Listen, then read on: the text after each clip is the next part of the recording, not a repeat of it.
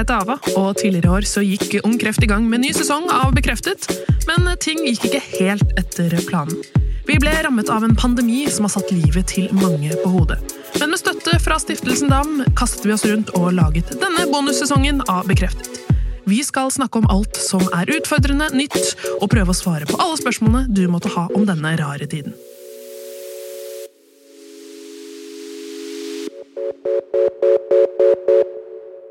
Bekymring er en følelse som kan dukke opp i ulike stadier av kreftforløpet. Mens du venter på svar, under behandling, og så er man bekymret for at sykdommen skal komme tilbake. Men når går bekymring over i angst? Jeg har snakket med psykologspesialist på Diakonhjemmet i Oslo, Elin Fjerstad, og hun har blant annet skrevet bøkene Lev godt med sykdom sammen med Torkil Berge og Energityvende utmattelse i sykdom og hverdag. Da har jeg fått besøk av Elin. Velkommen. Takk for det. Kan ikke du fortelle litt om deg selv? Ja. Jo, jeg er psykolog og jobber på Diakonhjemmet sykehus i Oslo. Eh, eh, på en enhet som heter Enhet for psykiske helsetjenester i somatikken. Så Der eh, tar vi imot pasienter da, som blir henvist fra legene sine når, når de trenger hjelp til det med å mestre sykdom, leve med sykdom, håndtere plager knytta til sykdom. Så ja, der jobber jeg. Og så liker jeg å skrive. Jeg har skrevet noen bøker, bl.a. bøker om det med å leve med sykdom, selvhjelpsbøker for pasienter. Har selv leddgikt, som jeg hadde siden jeg var ett år. Så jeg er jo opptatt av at um, når en har en sykdom i kroppen, eller har hatt, uh, så, uh, så, trenger en ofte mentale verktøy for å hjelpe seg selv med tanker og følelser som kan komme i kjølvannet av uh, sykdom. Ja, og Det er jo derfor jeg har invitert deg hit i dag. fordi at Vi skal snakke litt om dette med helseangst. Og hva er ja. egentlig det? Helseangst det er å ha en litt overdreven frykt for enten at du er syk, eller at du er redd, du er redd for å bli syk. Så eh, helseangst er jo i utgangspunktet en psykisk lidelse som, eh, der du faktisk tror at, eller føler urolig for at du er syk, selv om du er frisk eller veldig urolig for at du kan bli syk. Og det er da, da er det en psykisk lidelse som vi også kjenner som hypokondri. Eh, men helseangst det kan en ha i tilknytning til sykdom. Og mange av de pasientene som jeg jobber med, de kan ha helseangst eh, av reelle årsaker, hadde jeg nær sagt. Fordi du, eh, en, har, en har en sykdom. Og en kan ha angst for at den skal bli verre, eller en kan ha angst for som er kreft, og få tilbakefall eller spredning. Så um, da er jo på en måte helseangst ikke noe psykisk lidelse, men en konsekvens av den sykdommen, den fysiske sykdommen en har. da. Ja, for, Men når går på en måte bekymring for, for egen helse over til å bli angst eller hypokondri? Uh, ja, det, det, er, det, er, grader av det, på en måte. Det er når du, selv om du er frisk, allikevel ikke klarer å stole på at du er frisk, men hele tida må, må, gå og sjekke med legen om du faktisk er frisk, eller om du nå kanskje har fått kreft i løpet av natta, liksom. Så um, da er jo angsten veldig sterk, og en, en klarer ikke å Den går utover livskvaliteten og, og vanlig funksjon i, i livet. Da.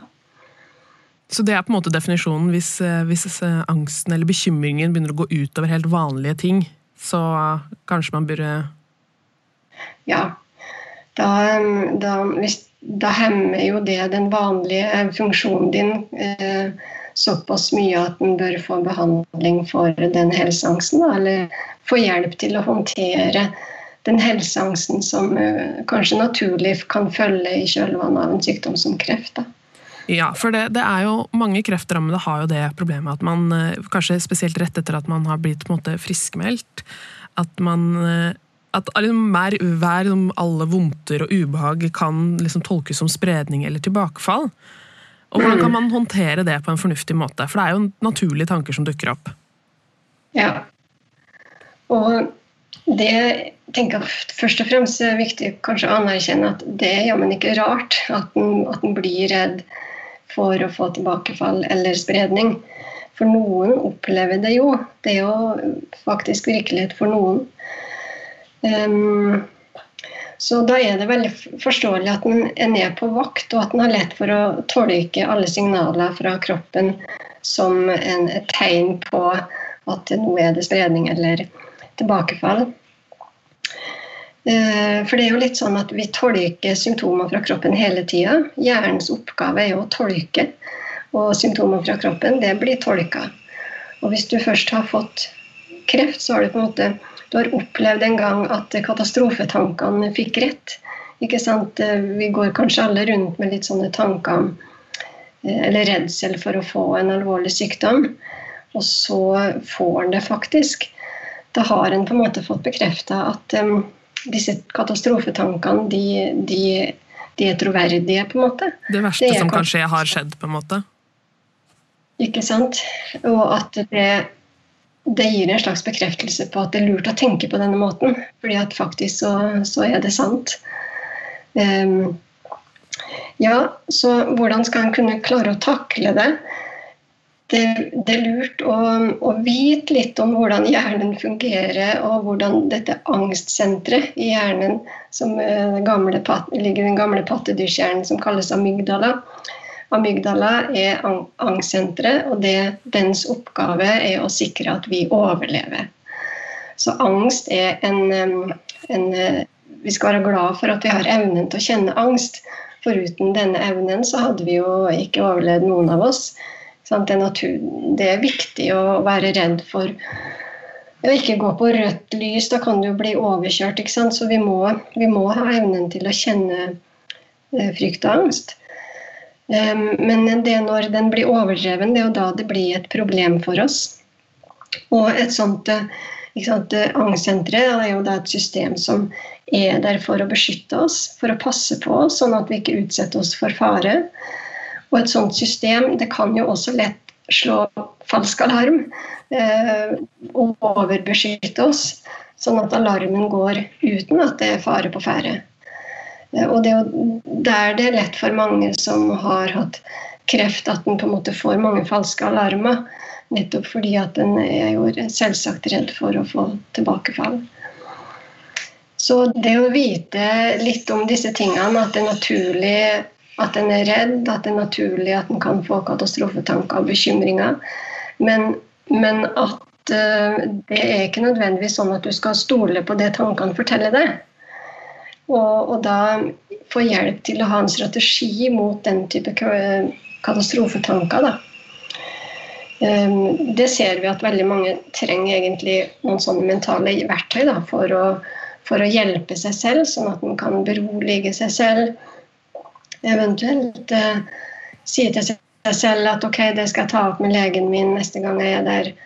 Ehm, eller minne seg selv på det legen har sagt, at nå, nå, er du faktisk frisk, og det er ingenting som tyder på at du har spredning.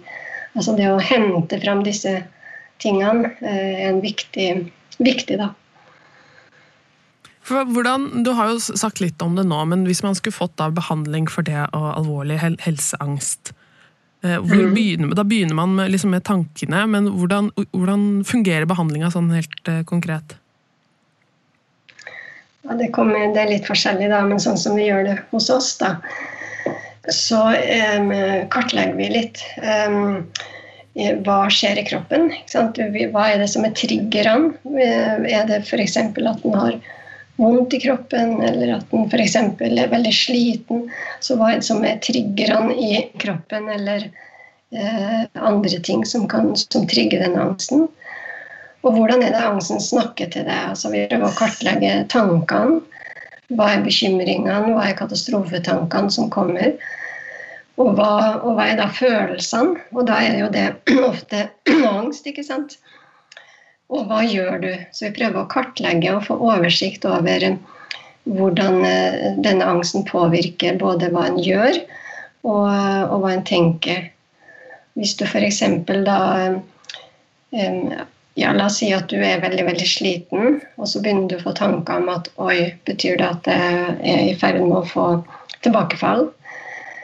Det er en tanke, ikke sant? og en sånn tanke den, den gir angst. Og hva gjør du da? Kanskje setter du deg på internett eh, på nettet og, og googler. Så det er en handling som igjen forsterker angsten. Da. Så vi kartlegger først at um, tanker, følelser og handlinger og, og, og triggere og hva du kjenner i kroppen. Og så jobber vi med det å prøve å finne hjelpetanker eller støttetanker som ikke trigger angsten så mye. da. Eh, F.eks.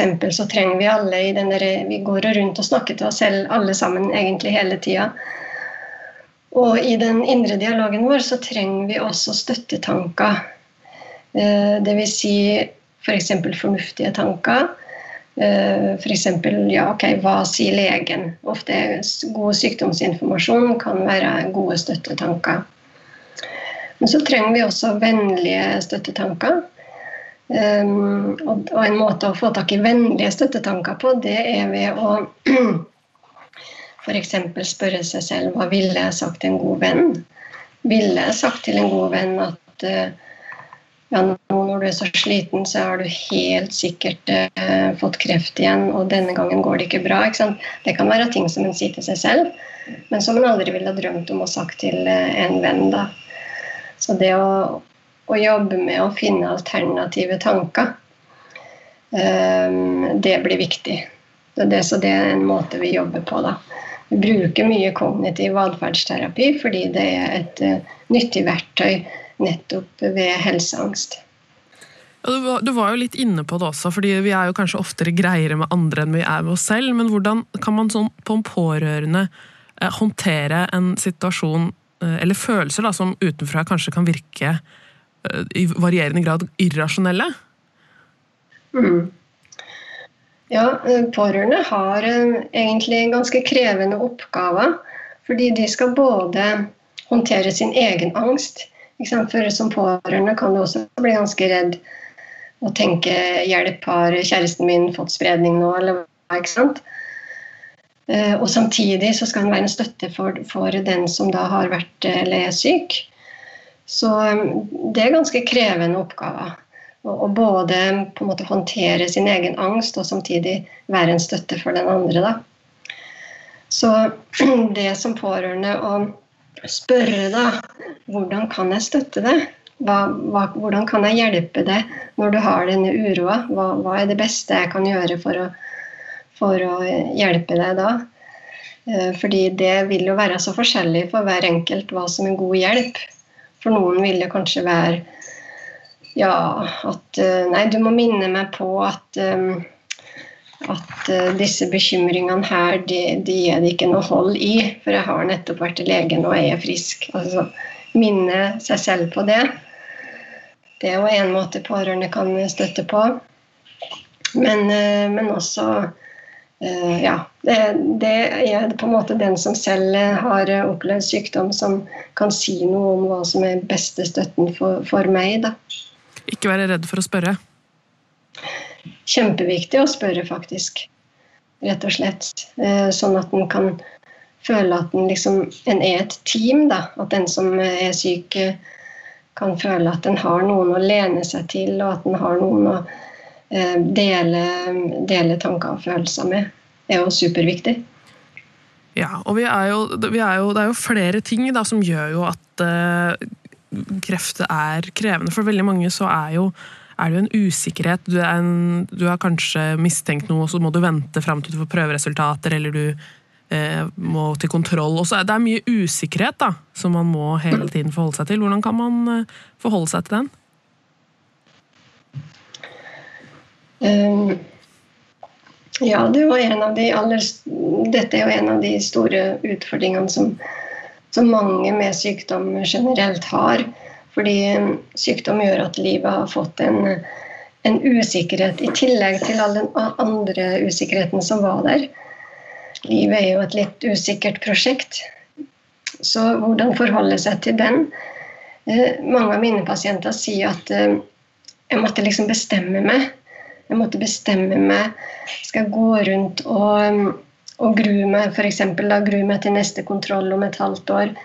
Skal jeg gå rundt hver dag og tenke på det?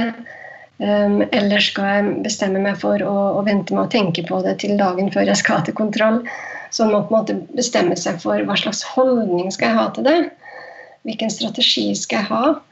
Hvis en går rundt med bekymring hver dag i, i denne tida en går og venter da, på neste kontroll, så har jo bekymring den egenskapen at den, den tar fra oss nuet her og nå, på en måte. Den tar fra oss hverdagen som vi lever i her og nå, for vi blir gående opp i vårt eget hode og bekymre oss.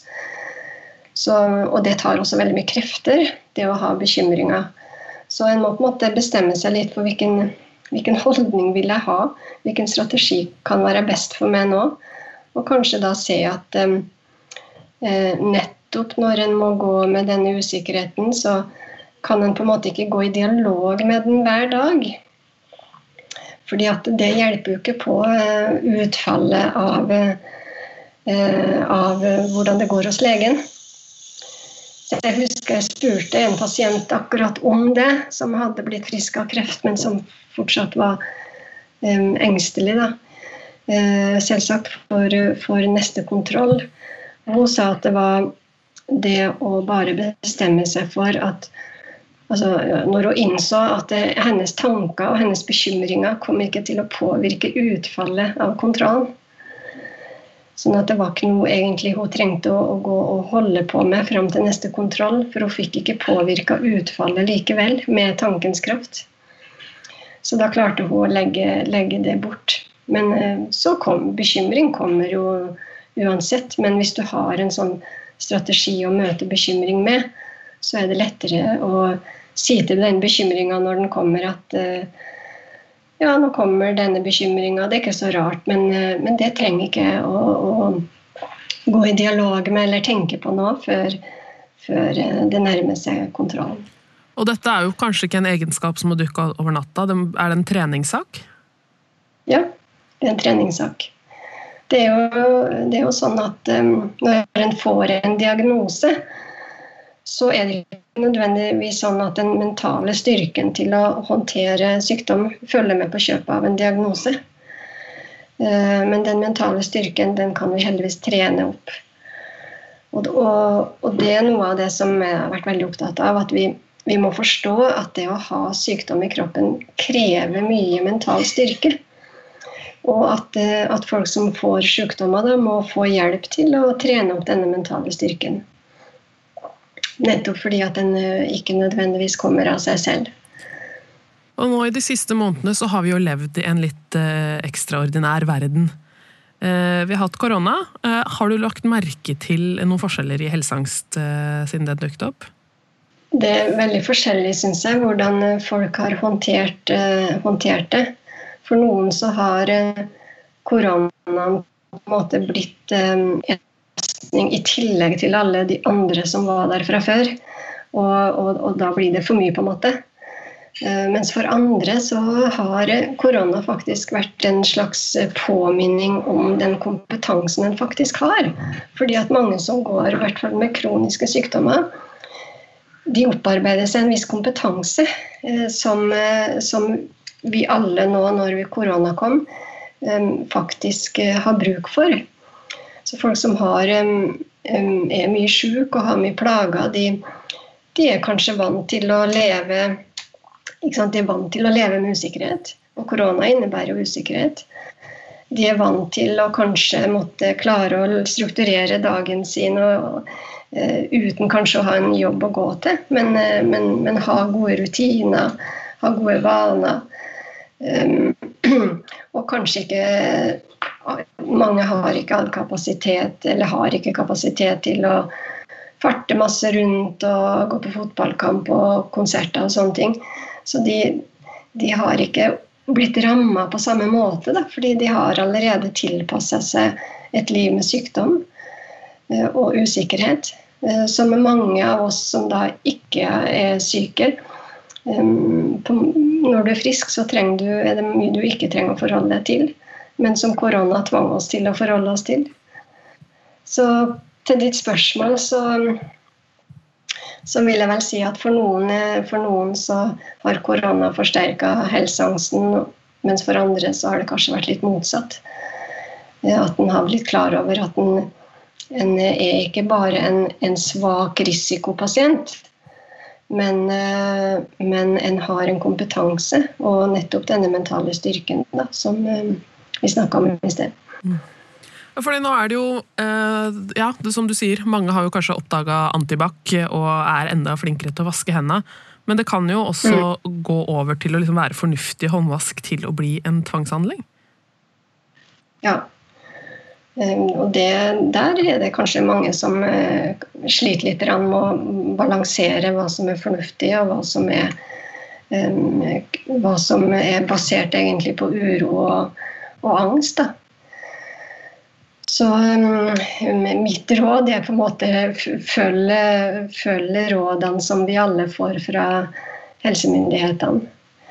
Uh, og, um, og, på en måte innse at sant, gjør, gjør, det du kan gjøre, men uh, innse at uh, det er en viss usikkerhet som vi faktisk ikke kan kontrollere. Ja, for det er jo sikkert mange som har fått litt sånn ekstra bekymringer for å ta med seg virus og ting hjem, altså hjem når de har vært uh, ute. Eh, hvordan skal man da finne en ro i at det, det, vil gå bra, og hvor fikk, I begynnelsen så var det jo litt sånn at folk sprita alt som skulle inn hjemme. Det, det, nå skal ikke jeg si om man skal gjøre det den ene eller andre veien, men man har jo på en måte hvordan skal man finne liksom balansen der, med å være forsiktig og ikke være, la det gå utover livet? Mm. Jeg tror en eh, kan prøve å liksom spørre seg selv litt, ta, ta, ta, et lite skritt tilbake, spørre seg selv er det jeg gjør nå faktisk eh, veldig fornuftig? Er det basert på, på disse rådene fra helsemyndighetene og skikkelig fornuftige ting å gjøre? Eller er det mer basert på min egen uro? Sant? Jeg driver nå og vasker hendene uh, veldig lenge fordi jeg har en angst i meg. Eller vasker hendene nå fordi det er faktisk en uh, fornuftig handling å gjøre. Så, så, det tror jeg er lurt å, å spørre seg selv liksom, hvorfor gjør jeg det? Hvorfor um, bruker jeg noe antibac annethvert minutt? Uh, er det fordi det er fornuftig, eller er det fordi jeg er styrt av følelser og angst og uro. Hvis vi styrer, når vi er styrt av angst og uro, så da kan det på en måte um, utvikle seg til å gå i den retninga at en kan mer få en tvangsproblematikk. Da. Ja, og vi, vi, skal, vi, skal, begynne å runde av, men til slutt så vil jeg jo da spørre Det er jo sikkert mange som har fått litt annerledes forhold til uh, dette med virus og bakterier. Uh, hvordan tror du det vil gå framover? tror du flere vil få angst av dette? Ja, Vi har snakka litt om det på jobben. og Når det var på det verste, husker jeg, så, så sa, sa, vi nettopp det at ja, ja det spørs om ikke vi, det blir enda mer behov for oss framover nå. fordi Eh, vi har fått trigga en sånn eh, kollektiv angst, på en måte. Eh, og vi som bor her i Norge, vi, vi, vi har det vanligvis, de fleste, da, ganske trygt. Mm, men, men, det at korona kom, tror jeg gjorde noe med den liksom, beskyttelsen vi alle liksom, føler. Da, at, ja, at det, går, det, går, bra med oss. Mens korona rysta kanskje den ganske mye for en del av oss. Så um, Det er vanskelig å, å, å spå, men, men Så jeg vet ikke. Jeg tror kanskje Ja, for noen så blir det, blir det mer angst. For andre så, så går det greit, liksom. Ja, Tenker du at det vil gå over det verste, på en måte bekymringen vil gå over når, når nå som ting har åpna litt opp? Det virker jo som det gjør det. At folk, folk slapper mer av, og mindre redde. Og så blir vi innimellom påminnet at uh, nå må vi ikke slappe for mye av, liksom. Men det er jo noe med at vi, vi tilpasser Vi har en god tilpasningsevne, vi, vi, mennesker. Så det kan jo hende at vi må leve med denne koronafrykten i, i lang tid. Og at um, den verste angsten etter hvert gir seg litt grann, da, for de fleste.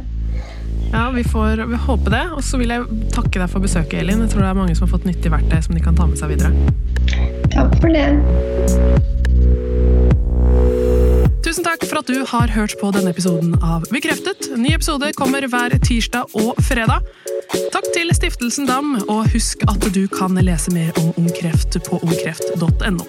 Har du spørsmål til noen av våre gjester eller temaer du vil høre mer om, kan du ta kontakt på Instagram, Facebook eller ava at ungkreft.no, og det er ava med W.